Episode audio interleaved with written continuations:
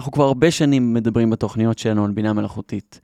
בהתחלה היינו מדברים עם סקפטיות מסוימת, כשחברות היו מוסיפות AI לשם או לדומיין, בעיקר לצורכי מיתוג, ולא באמת היה אצלם מנגנונים של בינה מלאכותית. אבל בשנים האחרונות אנחנו מתוודעים לכך שבינה מלאכותית חכמה יותר מאיתנו ביותר ויותר תחומים. עם הניצחון של האלגוריתם Deep Blue של IBM נגד גרי קספרוב, אי שם בסוף שנות ה-90, לא היה הכי רלוונטי לחיים שלנו מעבר לקהילת השחמט.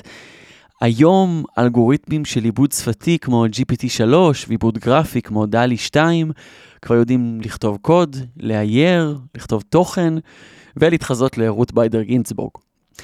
אלגוריתמים של בינה מלאכותית מנבאים את מזג האוויר, מראים לנו פרסומות מותאמות אישית, ולאט לאט, בשקט בשקט, משתלטים על עוד ועוד תחומים בחיים שלנו. אנחנו נבין היום איך כל אחד מאיתנו יכול וצריך להשתמש בבינה מלאכותית בעיסוק שלו, ולאן כל זה הולך. אנחנו מתחילים. הייטק בפקקים, מבית סטארט-אפ ניישן סנטרל.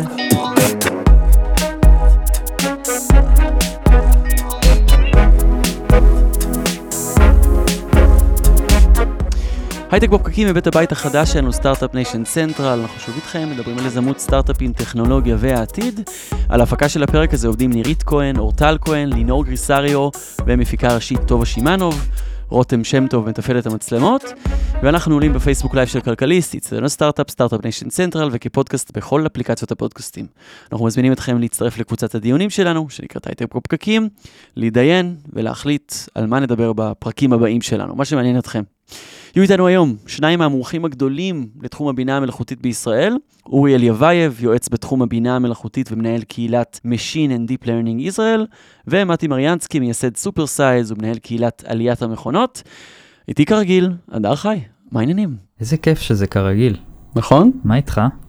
בסדר, אני די התרגשתי לקראת התוכנית היום, אני כבר לגמרי. שנה לפחות חושב עליה. לגמרי. מה- מה יקרה? תכף אה, יחליפו אותנו בבינה מלאכותית שתעשה פודקאסטים. אז האמת שאפילו נגיד בתחום הפודקאסטים יש לך כל מיני... אה, לא כזה מורכב מה שאנחנו עושים. מה. שאנחנו עושים אפשר להחליף אותו בלי בעיה. מה שקיים כבר היום זה בינה מלאכותית שיכולה להמציא כל מיני צלילים, אפקטים, נגיד אתה אה, יכול להגיד לה, להמציא איזה קול של אה, צ- סוס צוהל לקראת מלחמה, והיא כבר תייצר איזה משהו בסגנון. יפה. נתחיל, אה, אורי אליבייב, יועץ בתחום הבינה המלאכותית, מנהל קהילת Machine and Deep Learning Israel, שלום, מה העניינים? אהלן, מה קורה? בסדר גמור. אמ, אתה זוכר את הימים ש- שאנשים היו מוסיפים אה, AI לשם וזה היה כזה. פייק? עדיין עושים את זה, אני תמיד הבדיחה אומר שזה בשביל להעלות את האבלואציה, כן? שאתה אומר, כן. אה, חברת AI, ומנגד אני חושב שכבר רוב גדול מאוד של חברות עושות שימוש כזה או אחר בדאטה שלהם, כן? אז עוד כמה שנים כולם יהיו חברות AI, כמו שכולם חברות אינטרנט, כמו שהיו. פעם אומרים, אז כן, פשוט זה טרנזישן כזה. מצחיק שזה, זה- אמרת את זה, ב... זה די דרמטי שכמעט כל חברה כיום, אתה אומר, מערבת AI בצורה כזאת או אחרת. או, או שרוצה לעשות, כן? גם החל מכאלה שמשתמשות באלגוריתמים ממש פשוטים, או מוצרי מדף כמו API'ים שממש חזקים, או עוד כאלה שמפתחות את זה ממש בעצמם. אה, יש עדיין חברות רבות שלא עושות, אבל אתה רואה שזה מגמה שהולכת לשם, אה, כמו מגמה של המחשוב, כן? פעם אף חברה לא הייתה משתמשת במחשב, והיום לא נראה שיש חברה שלא משתמשת במחשב. כן. אותו דבר גם עם AI, ופשוט זה ייקח זמן. אז רגע לקחת צעד אחורה ולוודא שכולנו בא- באותו דף. אמ, איזה סוגים שונים של בינה מלאכותית קיימת כיום? מה זה בינה מלאכותית? זהו, אז עצם ההגדרה של מה זה בינה מלאכותית, זה דיון שאני בטוח כן. שנמאס לך ממנו, אבל לא, הייתי רוצה שנקיים אותו. אני אגיד לך מה, אין איזה הגדרה יבשה של זה. גם כן. זה משהו שאני חקרתי לא מעט בהרצאות שלי, אני כל פעם מביא כמה הגדרות. אמ, הבעיה בהגדרה של בינה מלאכותית זה שהיא מסתמכת תמיד בהשוואה של הגדרה מה זה בינה אנושית. כן. וגם זה קשה להגדיר. אז תמיד ב- ב- ביחס וברפרנס לזה. אז בוא נגיד בינה מלאכותית, אחת ההגדרות שאני אוהב זה בעצם אה, בינה או יכולת נגיד תוכנת מחשב או משהו כזה, שעושה פעולות שלו אדם היה עושה אותם, היה, הם היו נחשבות כתבונתיות או חכמות. מהמם. עכשיו יש גם אנשים שהם לא כאלה אינטליגנטים אז לא תמיד הם רפרנס טוב אבל זה זה איזשהו קריצה ל Turing test כאילו זה זה ה... כן ולא כי בסופו של דבר יש לנו כמה סוגים של פתרונות מבוססים בינה מלאכותית חלק מהדברים שבני אדם יכולים לעשות בעצמם למשל מהמם. לתמלל או לצייר או חלק מהדברים שבני אדם אין להם באמת יכולת לעשות נגיד לזהות דפוסים בכמויות אדירות של data. זאת אומרת, אז זה גם דברים שבני אדם לכאורה יכולים לעשות, וזה נראה כאילו משימה שבן אדם יכל לעשות, וגם דברים שאין מצב, או שאפילו אנחנו לא יודעים להסביר אותם, גם כשאנחנו יודעים את הפתרון, כן? כשאנחנו רואים את ה prediction והיא נכונה, אתה לא באמת יכול להבין את זה. אז בינה מלאכותית עם רגע בנפנופי ידיים, זה בעצם, קודם כל זה תת תחום במדעי המחשב, כן, רגע בוא כן. נפורמל את זה, למידת מכונה, Machine Learning וזה, שבעצם מאפשר לנו לקחת כמות גדולות של data, או אפילו קצת פחות data, גם, זה, גם החלק הזה כבר משתנה בהגדרה, ובעצם לספק סביבו תובנות ויכולות חדשות. אולי הקאץ', אולי הגרעין הכי משמעותי, שזה לא מבוסס על אה, חוקים, זה כבר לא rule base. אולי זה הדרך הכי טובה להגדיר את זה, שמה הכוונה. שפה זה כבר לוקח אותנו לאיך אנחנו מאמנים בינה מלאכותית, כן. בוא נדבר קצת על זה. אה, אם נגיד סתם בעבר, גם היום זה משמש אותנו נראה לי ב-90% מהקוד שאנחנו רואים, אתה מגדיר סט חוקים מאוד ברור למחשב, כן? כל עוד זה קורה תעשה את זה, כן. אם זה קורה תעשה את זה. עובד יופי, לקח את האנושות המון המון שנים קדימה וגם היום זה הבסיס ללא מעט מהפיתוחים.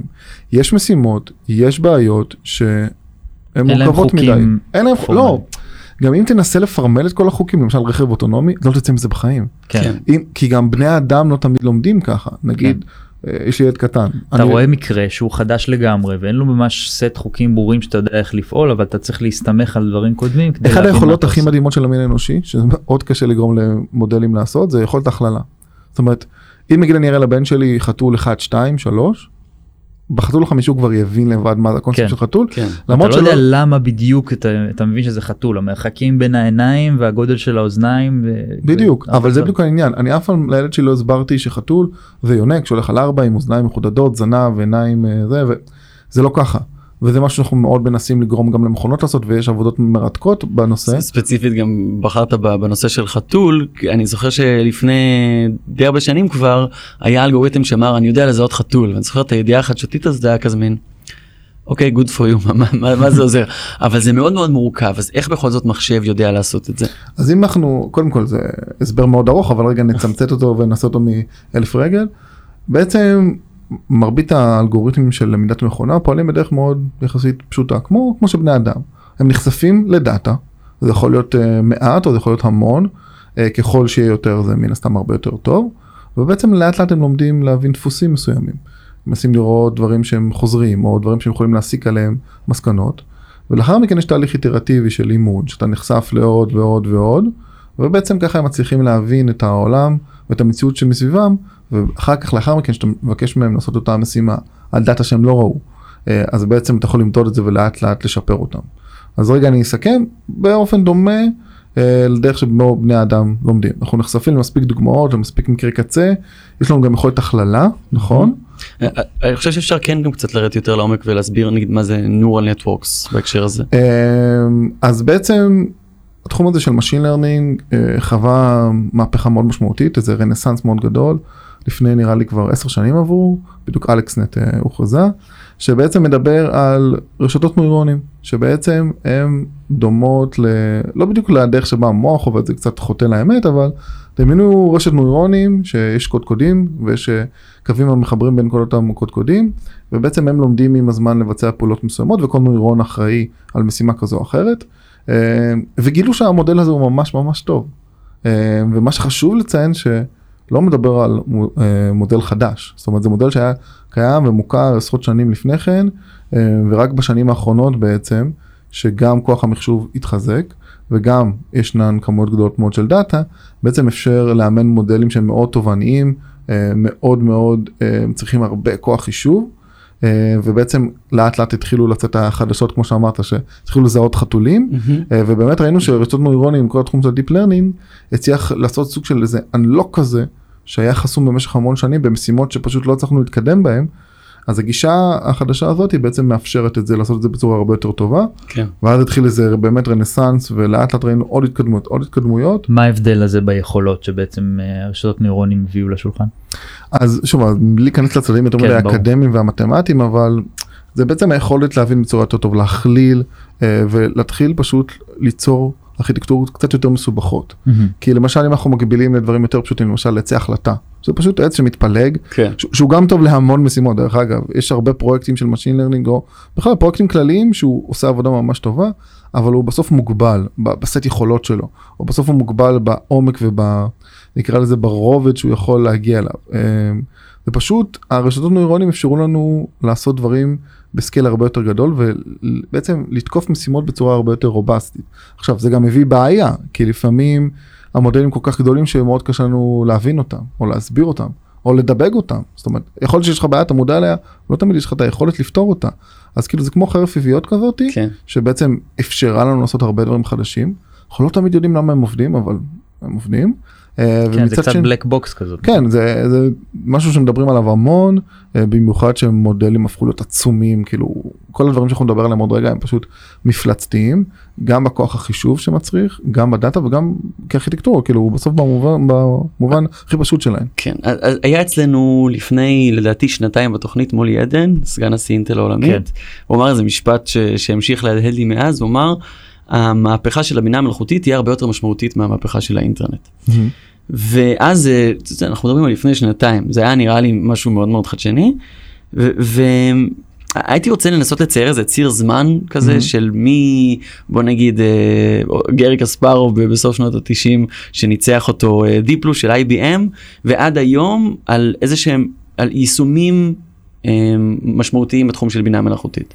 אז אם אנחנו באמת נתחיל, שמע, זה מאוד קשה, זה תלוי באיזה רזולוציה אנחנו רוצים לרדת, כן? כי לפי מה שקורה בשנה האחרונה, אתה יודע, זה כל חודש זה נקודה... כמובן שזה מעריכי, כן. כן, בדיוק, זה כל חודש הוא נקודה משמעותית בציר הזמן. אז אני חושב שמה שהיה עם קספרוב, יש כאלה אפילו שיגידו שזה לא הבינה מלאכותית, שזה כן. דיון שלם בפני עצמו, כי פשוט יכל לחזות הרבה תהליכים קדימה. למשל, אם אנחנו רגע מקבילים, נקפוץ כמה שנים קדימה, זה הפיתוח שהיה של דיפ מיינד עם אלפא גו כן, ואלפא זירו לאחר מכן, שזה ה... שזה המשחק גו, כן. אה, שהוא משחק פי כמה עשרות אלפי מונים יותר מורכב משחמט אה, וזה גם הייתה נקודת ציון רגע משמעותית אה, כי הרבה אנשים חשבו שלנצח במשחק הלוח הסיני גו מי שלא מכיר פשוט צריך לשים אבנים שחורות לבנות יש המון המון מהלכים זה משהו שלא התאפשר אה, ובעצם אה, גוגל באמצעות הצוות של דיפ מיינד חברה שהם קנו הראו שזה אפשרי וזה קרה ניצחו 4-1 את אלוף העולם. אה, לי סדול שמאז הפסיק לשחק נגד בני אדם הוא היה כל כך devastated מזה כן. אה, אז זה גם הייתה נקודה מאוד משמעותית אני חושב שזה הנקודה הזאתי. דיברנו גם לפני שפתחנו מיקרופונים על התחום של אה, ניבוי מודלים תלת. ממדים של אה, של חלבונים כן כן אז זה משהו שגם היה יחסית לאחרונה כאילו לעשות סקירה מקספרוב עד עכשיו זה צריך אה, שבוע של תוכנית כן אבל באמת יש כל מיני נקודות כאלה שהן היו מאוד משמעותיות נגיד משהו יותר קריטי. זאת אומרת אנחנו רואים בשש שבע שנים האחרונות סוג של התקדמות מאוד משמעותית בזכות Deep Learning ו-Reinforcement Learning ועוד הרבה טכנולוגיות אחרות. לעניות דעתי אנחנו רואים את ההתעצמות הזאת בשש שבע השנים האחרונות. גם היו דברים לפני אבל עכשיו אנחנו רואים את המומנטום המאוד גדול. ובשנים האחרונות אנחנו רואים דברים שלאט לאט הבשילו. עכשיו. כשאנחנו מדברים למשל GPT 3 ודלי 2 אנחנו צריכים לזכור שהיה דלי 1 GPT 2 ו-GPT 1 כן? כן. זה לא נקודה שתעשו בודדת. פחות כותרות. זה בדיוק העניין אבל שאנחנו עכשיו במסה קריטית שיש שיש מספיק דברים שהם בשלים כדי להראות אותם לציבור מהמם. וזה נקודה מאוד מעניינת. לגמרי אני חושב שגם זה קצת אה, משהו השתנה אצל הציבור בתפיסה שבינה מלאכותית א' היא כאן כן. והיא רלוונטית והיא יודעת לעשות דברים לפעמים מטורפים. יותר יפה ובטח יותר מהר מ- מבני אדם ו- וזה קצת מפחיד אבל כל הזמן מדברים על הפחד דווקא לא רוצה אבל לדבר על זה אבל תבין מה הקטע מצחיק קיפול חלבונים ישפיע על החיים שלנו פי. אלף מאשר ליצור תמונה של קוף כן. מחזיק סומבררו על גלשן במאדים. שרגע פותח סוגריים, כל התחום של. של אה, קיפול חלבונים הוא רלוונטי גם להבין מחלות וגם ליצור תרופות בצורה מאוד מאוד מהותית לפעמים היה לוקח לצוות חצי שנה רק להבין את המבנה התלת מימדי של חלבון בשביל לגשת ולהתחיל אה, לעבוד על תרופה. כן אז אני אומר מה שאנחנו רואים עכשיו אני גם בדיוק צייצתי את זה לפני כמה זמן אנחנו בנקודה קריטית שבהן מספיק טכנולוגיות שהן גם מובנות לקהל הרחב עכשיו נחשפו והן זמינות והן הן נגישות gpt 3 יכול לחולל טקסט בכל מיני סגנונות בכל מיני אופנים נרחיב עליו גם בהמשך. כן דלי 2 שיכול אתה רק מכניס משפט ואתה יכול בעצם לראות כן. אה, את התוצר שלו בסצנה שהגדרת. הוא רק נכנס לרשת חברתית ורואה את המשפטים שחברים שלך כבר עשו ואת התוצרים שלהם, זה גם כן, משהו ככה, תוקף אחר- אותי מאוד בפיד. ה- עכשיו מה. שיפה זה שאתה חלק מהדברים האלה אחר כך אה, גופים עצמאיים פיתחו ואחר כך הקהילה התחילה להמשיך ואתה רואה עוד ועוד ועוד טכנולוגיות שנוצרות על זה. מהמם. או למשל גם שחרור שיצא ממש לא מזמן זה וויספר זה כלי שיכול לתמלל באיזה המון המון שפות ויודע ממש לקחת קול אנושי ושיחה כמו שיש לנו עכשיו ממש לתמלל אותו ברמה מאוד גבוהה כמעט כן. ברמה האנושית. שזה משהו שעובדים עליו כבר המון שנים. כן, זה אה, בעיה עיבוד- קשה. עיבוד שפה טבעית, תחום מאוד מורכב. נכון? היו אצלנו גם מייקרוסופט שדיברו על זה, עם נכון, הצוות נכון. שלהם של קורטנה שנמצא בארץ שעובד על זה. זה בעיה לא קלה כי גם בני אדם לא תמיד אה, מצליחים לפתור אותה. אתה יודע, תשים 100 איש תן להם קטע כן. אודיו זה לא שזה יהיה אחד לאחד כן, אה, אבל אתה רואה שלאחרונה עוד ועוד פתאום פיתוחים אתה אומר וואו זה הגיע לרמת בשלות יפה זה הגיע לרמת בשלות. זאת אומרת, אתה רואה עוד ועוד דברים כאלה שנאספו הופכים להיות שימושיים. כן, זה, זה, זה רמת בשלות כזאת שהיא היא, היא גם פרקטית, זאת אומרת, אני תמיד, תמיד אומר שאחד הדברים המעניינים בפיתוחים האלה זה מתי יהיה ניתן למסחר אותם כמו שצריך. כן. ו-GPT 3 הוא בעיניי הראשונים למשל, כי כמו שאמרתי היה GPT 2 והיה GPT 1, אבל הם לא היו ברמה שבאמת אפשר לבנות מוצרים וחברות גדולות סביבם. נכון. אותו דבר לגבי דלי, הרבה אנשים מפספסים, אני ראיתי דלי 1, התוצאות היו לא להיט, כן? ואף אחד לא יצא לכותרות עם זה, אבל DALL-E 2 כבר הגיע לרמת בשלות, ועכשיו אנחנו רואים את הקפיצה שהיא מעריכית, זאת אומרת לפני חצי שנה ראינו את DALL-E 2, עכשיו כבר יש עבודות על וידאו, אתה, אתה ממש יכול לכתוב סצנה שלמה של מה קורה מה, עם אלמנטים, עם תנועות, וזה קורה. כן. ואני לא הייתי, כאילו לא חשבתי בחלומות הכי ורודים שיהיה פער של חצי שנה רק ביניהם. כן. אני רוצה לדבר רגע על- על האלמנט הכלכלי של זה, כי יש באמת את uh, OpenAI שייצרו את, uh, גם את GPT 3 וגם את DALL-E 2, נכון. ויש את... uh, מיינד. את דיפ מיינד. בעצם אני רואה מצד אחד כל אחד יכול לגשת במחשב שלו אני ממליץ לכם גם לעשות את זה לכתוב OpenMind לכתוב אה, את אה, OpenAI. כן ולהגיע ל DALL-E 2 ו-GPT 3 אפשר לעשות את זה נגיש לכולם זה מדהים נכון. מצד שני יש גם מנועים מאוד חזקים של בינה מלאכותית שיש להם פוטנציאל גם לייצר איזשהו אי שוויון כאילו, כי יהיה אותו רק לחברות הגדולות הם ישמרו אותו לעצמם ייתנו ייתנו לאנשים להשתמש כמה שזה משתלם להם יש פה איזה אתה מזהה איזה פוטנציאל שייצר אה, אני יתרון לא הוגן אני, אני חושב שההיסטוריה מראה אותנו אחרת. האם אה, חברות הרכבות בנו רכבות רק כדי לשנע אנשים עשירים? האם החברות שסללו כבישים אה, מנעו גישה לאנשים אחרים? לא, בסוף אנחנו רואים את הקדמה האנושית.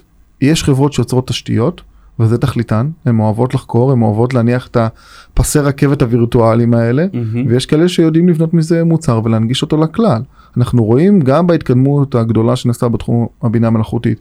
יש לכך אין ספור תקדימים. אבל זה ממש ברמה שזה יתרון אסטרטגי צבאי גם יכול כן, להיות. יש חברות ענקיות שעושות גם וגם וגם וגם. נכון, אבל הת- התחום הטכנולוגי לא קשור לבינה מלאכותית אפילו.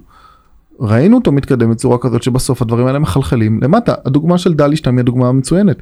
דלי 2 אה, שוחרר בצורה מאוד מוגבלת, לא לכולם, בצורה מאוד זה. אחר כך הגיע סטארט-אפ, סטביליטי AI, הציג מודל חדש. ברמה טובה יש כאלה יותר פחות אבל בוא נגיד ברמה שמספיק מכבדת את זה. מהמם. שחרר את הכל בקוד פתוח עם המשקולות עם כל המידע וזה יצר פשוט התפוצצות עצומה. אני לא ארחיק לכת ואומר שאולי זה מה שגרם לאופן AI לפתוח את דלי לכולם Mm, כי הם הבינו שכבר הסוסים ברחו מהאורווה. כן. עכשיו זה מה שאנחנו רואים שחוזר באופן חוזר ונשנה אבל בתחום גם- שלנו. יש אז פה גם- הסטארט-אפים היא התקווה שלנו. מה זה? שאתה- זה מה שאתה אומר הסטארט-אפים זה התקווה שלנו. אה, אה, שוב אני אומר אנחנו רואים את זה גם לא קשור בתחום של אז אז אתה יכול להגיד את זה גם על כל דיון. של, של מי שיש לו מאגרי מידע מאוד גדולים בהקשר הזה נגיד אפשר לציין את גוגל נכון. יש להם אפשרות גם הרבה יותר בהרבה יותר קלות לאמן את המודלים שלהם שזה חלק מאוד משמעותי שלוקח הרבה פעמים הרבה זמן עכשיו פחות. אבל מצד עדיין- שני אבל כן. הם מספקים לך חוות ענן נכון. והמחיר שלהם כל פעם יורד והחומרה משתפרת. אתה- בסוף זה דיון יותר רחב סטארט-אפים נגד corporate כן אתה יכול להגיד כן. את זה על כל דבר ולא רק על AI זה יכול אתה יודע גוגל יש לה מנוע חיפוש ו G Suite וכל הדברים האלה ומייקרוסופט לה. בסוף גם החברות הענק האלה מבינות שככל שהם ינגישו את זה ויאפשרו לאנשים להשתמש בזה מהמם. ככה גם זה יהיה הרבה יותר טוב עבורם. בהקשר הזה אולי הרגולציה הסינית דווקא עושה טוב שהיא מכריחה כל חברת ענק שאספה מאגרים עצומים של דאטה לחלוק אותם עם אה, כל שאר. כן החברות. מייצרת גם איזושהי בורסה של של דאטה ש, כן. שזה באמת אה, עכשיו דרך אגב יש הרבה משימות והרבה מקרים שבהם החברות אה, משתפות את הדאטה שלהם אנחנו רואים את זה בתחום הרכב האוטונומי שהרבה מהחברות הגדולות משחררות מדי פעם data set ים מאוד גדולים לטובת הציבור, למטרות אקדמיות, וזה בסדר וזה קורה, זאת אומרת, בסוף הדינמיקה היא הרבה יותר גדולה, הנה, אני אתן לך למשל GPT 3, מהמם. יש מודל שהוא מבוסס קהילה, שהוא אומן אפילו ב live, אני היית יכול לראות את ההתקדמות, והוא פתוח עכשיו לכולם, והוא מודל יותר גדול אפילו. יש כוח אינרציה שאי אפשר לנצח אותו. אז איך אתה מסביר את זה שה open source והקהילתיות כל כך חזקה נגיד באמת ב- כי בסוף במודלים האלה שפתוחים לציבור זה רחב? הדרך שבה המדע עובד. כן. איך לא תסובב את זה, איך חברות ענק, תאגידי, זה, זה פשוט לא עובד ככה, ואני מקווה שזה ימשיך. אתה רואה שהקהילה הבינלאומית של החוקרים ומפתחים, בסוף... מפרים אחד את השני. מפרים אחד את השני, הנה, שה Stable Diffusion שיצא של Stability AI, והוא שחרר לכל, פתאום אתה רואה שעוד משימות התחילו לצאת. אז אתה רואה נגיד משימה שאתה רואה תמונה, למשל הבחורה עם עגילי הפנין- הפנינים, ופתאום אתה יכול לייצר את הרקע ואת כל הסיטואציה שמסביבה, ממש כאילו לצלם את החדר, או כל מיני יכולות נוספות שבכלל לא היו קיימות. ואת הדבר הזה אי אפשר לעצור. כן. עכשיו אנחנו נראה עדיין את החברות הגדולות קובעות את הטון, מביאות את ה... אה, נקרא לזה קדמת הבמה, אפילו עושות לזה את ה-PR כדי לגרום לזה, אבל בסוף הם חלק אינטגרלי מקהילה הרבה יותר גדולה, מרצון לפרסם מאמרים ולשתף אותם. זאת, יש לזה אין ספור תקדימים, פשוט המידע הזה מחלחל הלאה. ומה לגבי איך אתה חושב שזה ישפיע על שוק התעסוקה? כי לצורך העניין, נגיד אני כבר מהשעשועים הקצרים שהיו לי עם דלי 2, אנחנו גם נרחיב על זה בהמשך עם אה, מתי מריאנסקי, הבנתי שזה הולך לחלוטין להחליף כסף שהייתי משלם למעצבים, לדברים מסוימים. אז אני אגיד לך מה, אני אומר הרבה פעמים, הרבה פעמים וזה גם אמרה מאוד מוכרת, אה, שבסוף מי שיחליף בני אדם זה לא רובוטים ולא AI, זה בני אדם שידעו להשתמש בהם, ברובוטים וב-AI. אוקיי. מה הכוונה? שמבחינה הזאת באמת נראה לי גם מעודד להסתכל אחורה על שוק החקלאות ועל הטרקטור. נכון, אז זה מה שהדוגמה אם שהבאנו אתה לא צייר. טוב אבל אתה יודע לכתוב אחלה טקסט. לא, זה- אבל זה בדיוק העניין, נגיד אני, קח 30 שנה אחורה. אה, בסוף, אפילו יותר שנים אחורה, שהגיע טרקטור לחקלאי, אה, הוא לא איתר אותו, הוא אפשר לו לשפר את הנצילות שלו. לחרוש יותר דונמים, לגדל גידולים יותר מורכבים אולי, לקצור בצורה יותר מהירה ולא ל- לאבד יבול. אז אותו דבר גם עם הכלים האלה, זאת אומרת כן. בסוף הם יעצימו והדרישות של הלקוח ישתנו. אם פעם הדרישה ממעצב גרפי זה תעשר לי, לא יודע, נגיד תמונה של בן אדם, אילוסטרציה. אז היום אני מבקש ממנו תעשה לי אותו גבר, אישה, בכל האתניסיטי האפשריים, מהמם. במזג האוויר חום, אה, חם, קר וזה, והתוצר הוא לא יהיה רק תמונה אחת, יהיה סט תמונות. אבל- אבל אם ניקח את הדוגמה שלך שבאמת הבן אדם עם הטרקטור יכול מאוד להיות שהבן אדם שפתאום יהיו אנשים שיודעים לנהוג על טרקטור יותר טוב ממי שידע פעם לחרוש אותו בידיים נכון. ואנשים מסוימים שיודעים להתאים את עצמם לטכנולוגיה יהיו אלה ש... נכון, אז זה מה שאני אומר, האנשים האלה בסוף יצטרכו לדעת. אני, יש לי הנחה. שאומרת שהטכנולוגיות האלה יגדילו את גודל הבעיות שהמין האנושי מתמודד איתם. חברים שלנו כל כך הרבה בעיות. קרקעית האוקיינוס לא חקרנו בכלל, אין לנו מושג מה קורה שם. כוכבים והרי געש וחלל החיצון וכל כך הרבה דברים. דווקא מגיעים לשם גם בזכות בינה מלאכותית לתוצאות מדהימות. אז זה מה שאני אומר, אבל יש לנו כן. כל כך הרבה, הדברים שאנחנו בתור בני אדם נעשה באמצעות המכונות יגדלו בכמה סדרי גודל תודות לדברים האלה. אלו שלא ידעו לעשות את האדפטציה. זה כמו היום ללכת לצלם נגיד, הוא אומר לך תקשיב אני לא מאמין בדיגיטל אני עושה לך פילם. כן. והוא מצלם. זה קיים, כן? לא, אבל, לא, אבל זה לא קיים במסות, כי אולי כן. זה וינטג' זה נחמד, הוא אומר כן. לך, תקשיב, בסוף האירוע לא תקבל את זה בדיסקונט ישר, אני צריך לפתח את זה, צריך לעבור, תגיד לו, תשמע, אני לא עובד ככה. כן. כאילו, וזה בדיוק העניין, מי שידע לעשות את ההתאמות, כמו מי שתחשוב לא עובד עם מחשב היום. איזה מוזר. כן. בלי סמארטפון יש גם כאלה. אה, אז בעצם אתה אומר תהיה נהג טרקטור. ולא לא. חקלאי פשוט עם הידיים. אני מביא את העצה שאני כל פעם אומרים את זה בהקשר לסטארט-אפים, תתאהב בבעיה ולא בפתרון שלך. כן. אם אתה בא והתפקיד שלך זה לגדל את הגידולים החקלאיים הכי טובים בעולם, ואתה רוצה לעשות את זה בצורה הכי יעילה, הכי אפקטיבית, הכי טובה, זה הכלים תדאג שיש. לכלים האלה. אל תתאהב בטרקטור, תתאהב ב- בלפתור את הבעיה. לפתור את הבעיה. כן. כמו שאמרנו לפחות 15 אלף פעם לאורך התוכניות שלנו. כן, בדיוק. אורי אלי- אליאבייב יועץ בתחום הבינה המלאכותית ומנהל קהילת Machine and Deep Learning Israel תודה רבה. תודה רבה לכם. תודה.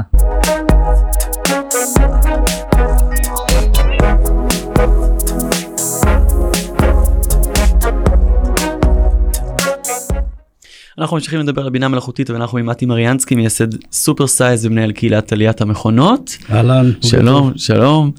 אמ, התחלנו לדבר על איך הבינה המלאכותית הולכת להשפיע על שוק התעסוקה בהקשר ספציפי של דלי 2 אני חושב שזה יכול להיות מהפכני, לא, אני כבר הבנתי שאני הולך לקצץ עלויות של כל מיני דברים ופשוט לתת לאלגוריתם לעשות את זה.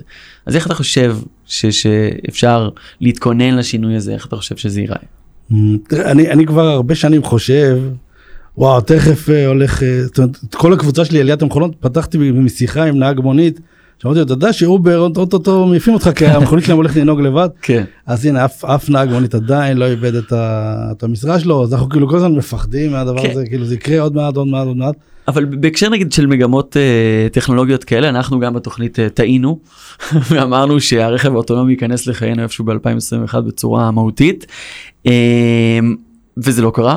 לא קרה. אבל בהקשר של בינה מלאכותית קורה ההפך, אנחנו מדברים על באמת רנסאנס, כמו שאורי אמר. כן, אבל אנחנו רואים שבאמזון מגייסים יותר עובדים, ואנשים קוראים יותר ספרים. וה- כן, זאת אומרת, אולי קור- קשה מאוד לחזות את הדבר הזה, אבל כן אנחנו יכולים לראות שמכונה כמו דלי, שלפחות בתיאוריה תוכל להחליף את המשימות הפשוטות של אה, מעצב גרפי, או של כל, כל קריאיטיב, כל image maker. כשהיא תגיע לרמה מספיק טובה, אה, זה אומר שזה יחתוך החוצה כל מי שהוא בינוני ומטה, כן. בוא נגיד ככה. כן, זאת אומרת, אם העבודה שלך היא מאוד אה, טכנית ומאוד אה, הפקתית כזאת, או שאתה לא נותן ערך מוסף שלך כבן אדם לדבר הזה, אז באמת, למה לי לקחת אותך אם אני יכול לשבת כאילו לבד ולעשות את זה בשתי דקות ולק, ולקבל עבודה מצוינת. כן. ויש גם שאלה של מי ידע איך להשתמש בכל הכלים האלה בשביל להיות יעיל יותר. כן, אז, אז מה רואים עכשיו שהכלים האלה יצאו, אז השלב הבא זה באמת, אנחנו רואים דור חדש של חברות שמתעסקות בלהנגיש את הדבר הזה כן. להמונים. כמו ה-No code אה, בדיוק, בתכנות, אז, אז זה אותו דבר. הולך, אה, עוטפים את זה עוד פעם בעוד ועוד עטיפות יותר, כדי שזה יותר ויותר פשוט לאנשים כן. כן. רגילים להשתמש, לאנשים רגילים, לכולם. כן. ו... אבל אנחנו, תשמע, לעשות צילום טוב, אתה עדיין צריך צלם. זאת אומרת, אם אני ארצה מישהו כאילו לעשות לי את הקמפיין הבא לחברת האופנה שלי או משהו כזה, אני לא אשב, אני המנכ"ל, לא אשב בעצמי מול דלי. ואעשה את זה, אלא אני עדיין אזדקק לעין של הצלם הזה ולהבנה שלו בקומפוזיציה ו- ולבחור את הדמויות ואת הפרצופים שהם עושים, ולא יודע מה. אבל הצלם הזה לא יצטרך לצאת מהבית, זאת אומרת, הוא לא יצטרך ללכת לסטודיו, הוא לא יצטרך אפילו אולי ל... לעשות קאסטינג, זאת אומרת, כן. הוא פשוט יגיד, "מ, אני מדמיין פה את, לא יודע, את הריסון פורד הצעיר, לובש את הג'ינס הזה, ורק אני אחתים אותו ו- ואני אעשה את הכל השאר לבד, לא צריך אפילו לה- להטיס אותו, לא, בטח שלא צריך להצעיר אותו, כן. אה, פשוט, כל דבר שאני יכול לדמיין, עדיין אני אצטרך את העין של מישהו כדי שזה, שזה יהיה מעניין, ש- שיהיה פה איזה סיפור. אז בוא נדבר באמת גם יותר פרקטי אמרת שה... שכולם יצטרכו לדעת איך להשתמש בכלים האלה זה כבר היום אפשר יש כל מיני כלים שקיימים out there אפשר להשתמש בהם. אתה יכול למנות כמה כאלה שהם מגניבים במיוחד. אז, אז יש לנו, כל, בכל מה שקשור לשפה, יש לנו את אה, GPT 3, ששוב, עד, נגיד לפני חצי שנה, היית אומר, אוקיי, זה משלים משפטי, זה מגניב, כן, אני... זה מתחזה זה עושה טוויטים זה- של רות כן, גנצר היום זה יכול כן. לכתוב לך מאמר אקדמי עם הוכחות, כן, עם כן, הכל. כן, לי, לי עצמי נפל, נפל ממש האסימון לפני, וואי, זה כבר היה שנה, אני חושב בעצם, שעבדתי באיזושהי חברה, הייתי שם, לא, לא משנה, הייתה לנו מישהי שכותבת את הבלוגים של השיווק. כן אומרת, היינו אומרים לה, נותנים לה כמה בולטים, ואומרים לה, הנה, תכתבי על הנושא הזה. היא לא הייתה, לא הייתה, לא היה לה איזה הבנה מאוד גדולה בזה, אבל היא ידעה לכתוב את ה... למלא את החורים ב... כן. ואז הבוס שלי אמר לי, תראה, באתי בערב אה, ועשיתי מינוי על, ה... על אחת מהתוכנות האלה שעובדת עם GPT 3, כתבתי את הבולטים, ותראה, הוא השלים לי את זה, והוא, והוא עשה את זה לא פחות טוב מהכותבת. אשכרה ואני קורא את זה, ואני, באמת, נכון. זהו יופי, כאילו, אפשר לקחת את זה כמו שזה, לשים באתר. כן ואמרתי אוקיי וואו. עכשיו זה לא יחליף אה, אתה יודע כותבי רומן אה, זה לא יזכה בפרס הספרות אבל באמת אותה כותבת תוכן המשכתם לעבוד הי- הייתה לה עבודה במסגרת הזאת אני בטוח שהיא ממשיכה לעבוד עם אנשים שפשוט עוד לא עוד לא לא כן, לא. נרשמו לדבר הזה כן כן אבל אם אתה כבר יודע לנסח את הבולטים אוקיי וראית שהוא עשה טעות המחיר של הטעות שלו כל כך אה, נמוך. כי זה לא שאתה מצלצל אליו ואומר לך טוב טוב אני עכשיו אבל אסור אני ביום שני אני אשלח לך עוד גרסה. כן, כן. אתה עושה ריפרש אתה מקבל עוד גרסה. אומרת, אם זה לא מתאים לך אז אתה יכול לקבל עוד 15 גרסאות עד שאחת אה, כל כך תתאים לך. הרבה יותר יעיל. כן. וזה היה באמת טוב כן, זה, זה היה מספיק טוב. כן. בוא נגיד ככה, זה לא יזכה בפוליצר, אוקיי? כן. אבל זה גם זה האופי של המאמרי אה, דעה האלה, שאתה כותב את זה בבלוג של החברה, זה מסביר קצת, אתה יודע, מה זה זה, מה זה זה. אין שם איזה... תובנה. כן, על, על, אתה יודע, על המצב האנושי, על, על הסבל, האנושי, אין שם... אז בואו באמת נדבר על, ה, על הערך המוסף שנותן כותב תוכן שכותב על משהו כזה. אז ברגע שאנחנו מדברים על תחום יותר מקצועי, כן, אין שם הרבה תובנה אנושית, נכון? זה די, די באמת יותר טכני. אפשר קצת להתחכם, ואני בטוח שגם ל-GPT 3 אתה יכול להגיד אה, תהיי קצת יותר אה, עם אה, הומור ציני או כן. ועוקצנית אה, ו... אבל, אבל אני אעשה פה את ההבדל בין כותב תוכן, שהוא כותב תוכן כללי כזה, שהוא היום הוא כותב לחברה של בינה מלאכותית, ומחר כן. הוא כותב ל...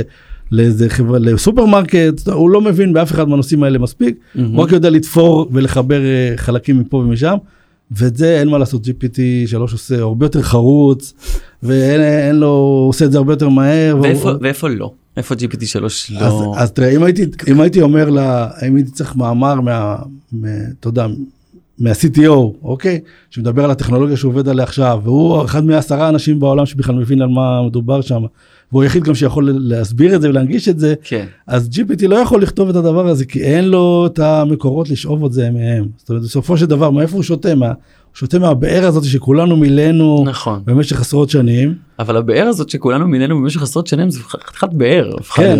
נכון. אז אפשר להביא משם כל מיני תובנות גם אפשר להיות אני כן יודע ש, שכן השתמשו ב-GPT 3 בשביל להביא טקסטים שכן יש בהם איזשהו תובנה.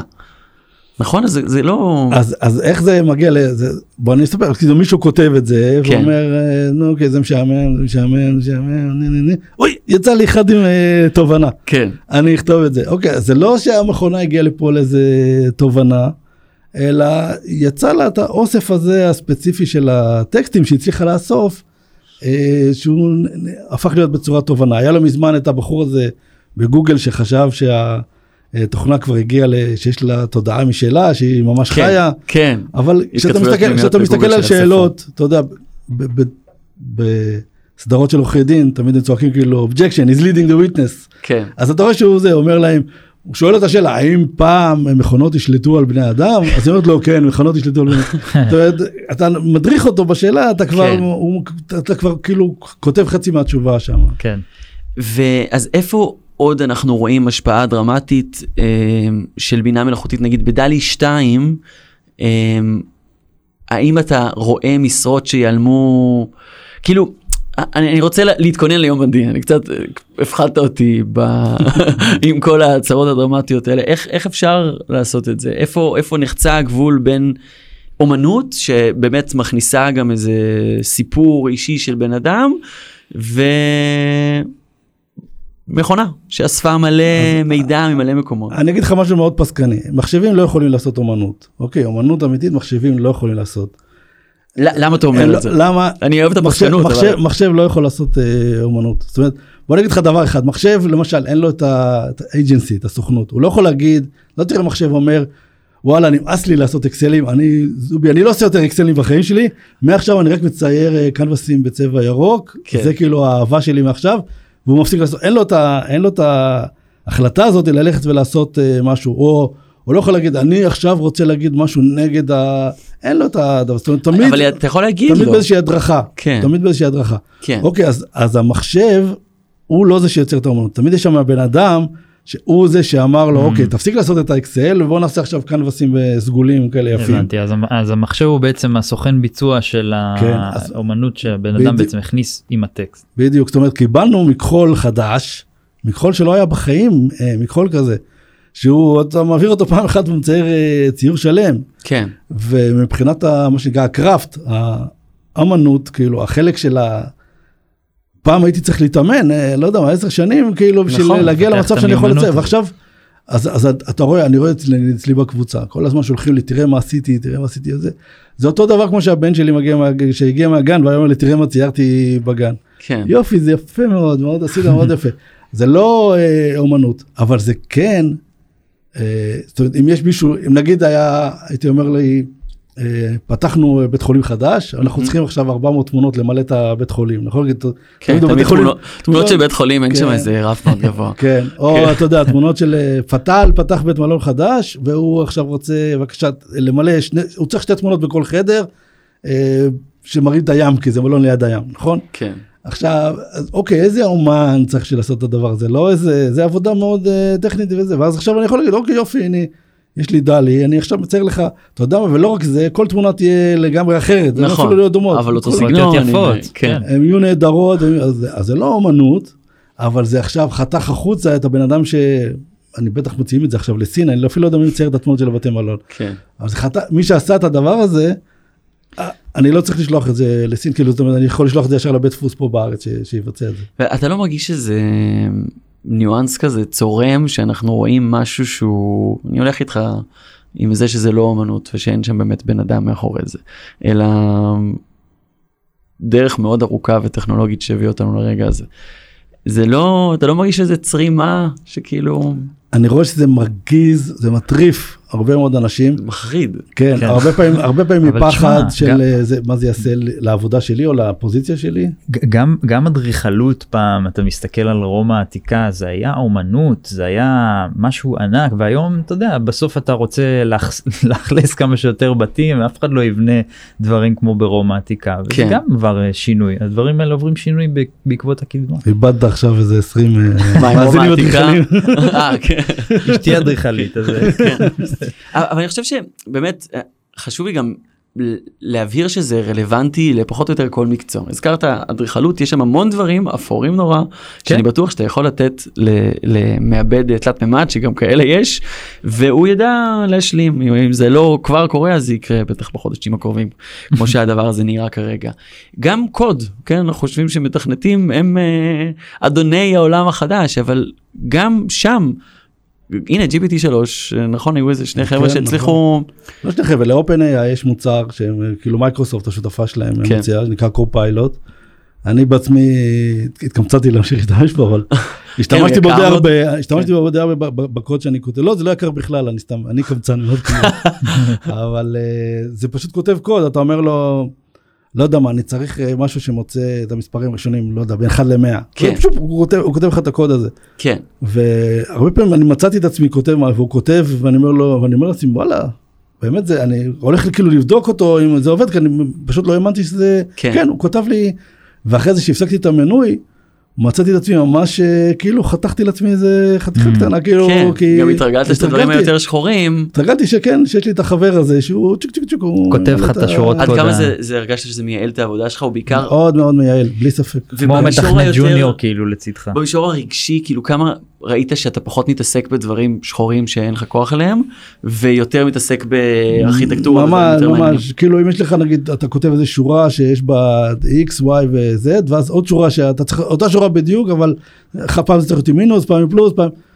ולפני זה אתה צריך כאילו להתרכז בזה להגיד רגע לא התבלבלתי לא התבלבלתי והוא מוציא לך את השורות האלה והוא כן. קולט את הקונטקסט והוא ממש מפתיע אותך כל פעם. כן. באמת אה, עובד מצוין. אז דיברנו על אדריכלים, אה, מעצבים, אה, תכנות, נהיגה, נהיגה, חקלאות. כאילו זה רלוונטי באמת רדיולוגים. כן. לגמרי. אז אולי נהפוך רפואה. את זה רגע ל- לקצת פרקטי מה- מה אנחנו יכולים ללמוד מזה. או איך משתמשים ל- בזה. ל- ל- באמת אנשים שמקשיבים לנו עכשיו ורוצים להיערך לעולם של AI שמשתנה אתה אומר כל הזמן אתה צריך לעדכן את כן. ההרצאות שלך. מה עושים? בשום אופן לא לטמון את הראש בחול זה הדבר הכי גרוע שאתם יכולים לעשות. זאת כן. אומרת יש לנו ספרות שלמה עולם שלם של סרטים וספרים אה, ש- שנקרא סייבר פאנק אוקיי על הפער הזה שמתהווה בין מי שמחזיק בטכנולוגיה למי שלא מחזיק בטכנולוגיה. והתהום הזאת הולכת ו- ונפתחת הולכת ומתרחבת ויגיע הזמן שאי אפשר יהיה לקפוץ מצד אחד לצד השני. כן. וכשאני רואה מישהו שאומר לא טוב נו זה כבר אה, אני זה לא אמשיך לעשות את הדבר זה- לא לא לא כן. לא לא לא לא חבר'ה. ת, תשקיעו בעצמכם תלמדו תנסו להבין תפתחו את העיניים תבינו מה קורה כי אה, אל תיתנו לגל הזה לחלוף מעליכם ולשטוף אתכם. ואיך ו- עושים? איך, איך, בוא נגיד שאני עכשיו, אה, לא יודע, נגיד מתעסק בתחום ההפקה, אוקיי? נגיד שם יש באמת Zapier, זה לא בינה מלאכותית, אבל כל מיני שירותים שעושים אוטומציות. איך אני, איך אני מגיע אל זה, איך אני מבין מה מתאים ל... נגיד יש, יש כלי לפודקאסטרים שנקרא נדמה לי Descript אני לא זוכר את השם שלו. כן, Descript. אוקיי והוא הופך את כל ה- זה שלך למילים נכון. ואז אתה יכול פשוט להחליף אחת מהמילים במקום לערוך את זה בסאונד אתה יכול נכון. לערוך כאילו אתה יכול לערוך את יצוין שעובד רק באנגלית. כן, אוקיי. כן, כן, כבר שמתי שמתי עיניים על הדבר יפה הזה. מאוד אתה רואה אז עשית אמרת נסתכל על זה. נראה מה קורה עם זה אני לא אה, אתעלם מזה. אני עובד, אני לא יודע, אגיד, אני עובד בתוכנה הזאת עשר שנים, היא עובדת לי מצוין. חייב להיות טכנולוג בשביל הדברים האלה, לא. מה שאתה אתה כולה צריך להיות קצת פתוח ל, ל, לקחת את אותם כלים ולהשתמש בהם. זה היום מונגש, זה קל, אה, חוויית כן. המשתמש היא טובה. אה, דיברנו על אה, ג'ספר לפני כן, באמת תוכנה שאני גם השתמשתי בה, אתה יכול לתת להם איזשהו תיאור וממש לייצר אה, מאמרים ופסקאות ופוסטים, אז, אז פשוט לחשוף את עצמך לדברים האלה. כן, כן. כן. מה שאנחנו הולכים לראות באופן כללי, אני מדבר על זה הרבה ב, ב, בשיחות, בהרצאות שאני עושה, אה, כשאני מלמד, אה, הדף הלבן הולך להיעלם מהחיים שלנו. מה זה הדף הלבן? כל פעם שאתה בא לכתוב אפילו מייל אה, מטופש לעובדים של חנוכה שמח, אוקיי? כן. אתה עומד מול איזה דף לבן, אתה אומר, או, איך אני אכתוב את זה, מה אני אעשה, איך אני אהיה מגניב, איך אני אהיה לא יותר מדי בוס, איך אני... אוקיי, הדף הלבן הזה ייעלם, זאת אומרת, אין יותר דף לבן. אתה הולך לקבל משהו כבר 200 חצי מוכן. 200 מכתבים לחנוכה, כן. אוקיי, ועכשיו המשימה שלך תהיה לבחור את המכתב הנכון מבין ה-200 האלה. כן, אוקיי, אתה רוצה פריזנטור למותג שלך? טראח, קבל 200 פריזנטורים, תבחר את, ה, את הנכון. אתה לא צריך להתחיל מאפס יותר, כן. אתה מתחיל מערימת שחת, ואתה צריך למצוא בה את, ה, את המחט שלך. אה, אני שומע את מה שאתה אומר ואני כבר חושב על המסקנות ל... ל... שאני הולך ליישם על עצמי.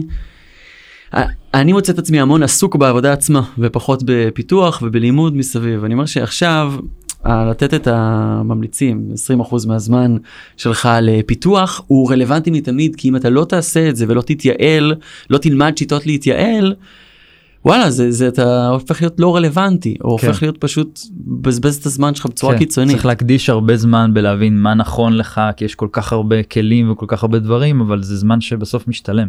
גם, גם הבינוניות, כאילו, הרף של הבינוניות הולך לעלות, לא תוכל להיות יותר בינוני אה, ומטה, כן. כל זה נחתך. אז זהו, זה כאילו אז קצת אתה- עוד יותר קפיטליזם במובן שאני צריך להבין ממש את הנישה הספציפית שלי בדיוק להבין שאני מה אני ממש טוב. טוב בזה כן. כן. שהמחשב או- או אין שהם- אין או- אלגוריתם כן. שיוכל לחקות אותי. או שמצד שני נראה כן איזשהו ערך למשהו שאתה אומר זה מישהו עבד על זה שנה שלמה על הדבר הזה. כן. אומר, אוקיי זה אני רוצה זה לתלות. זה אני רוצה לתלות בסלון. כן. אבל אין, אין הרבה מקום ל... יש מעט מקום ל, ל, כן. לדברים האלה. כן. מתי מריאנסקי מייסד Supersize ומנהל קהילת עליית המכונות. מכונות. תודה רבה. תודה בוקר טוב. תודה לכם שהאזנתם לנו, תודה לכלכליסט ול Start-Up Nation Central על שיתוף הפעולה, אנחנו מזמינים אתכם לקבוצת הפייסבוק שלנו שנקראת הייטק בפקקים, להצטרף לדיונים לפני התוכניות, לשאול אותנו את השאלות שמעניינות אתכם שיעלו לשידור, תודה רבה להדר חי. תודה. לך אורי היה מדהים. ועל הפקה של הפרק הזה נגיד עובדים אה, טל חי, לינור גיסריה, אורטל כהן, טובה שמענוב, ואת המצלמות מתפעל שם טוב רותם.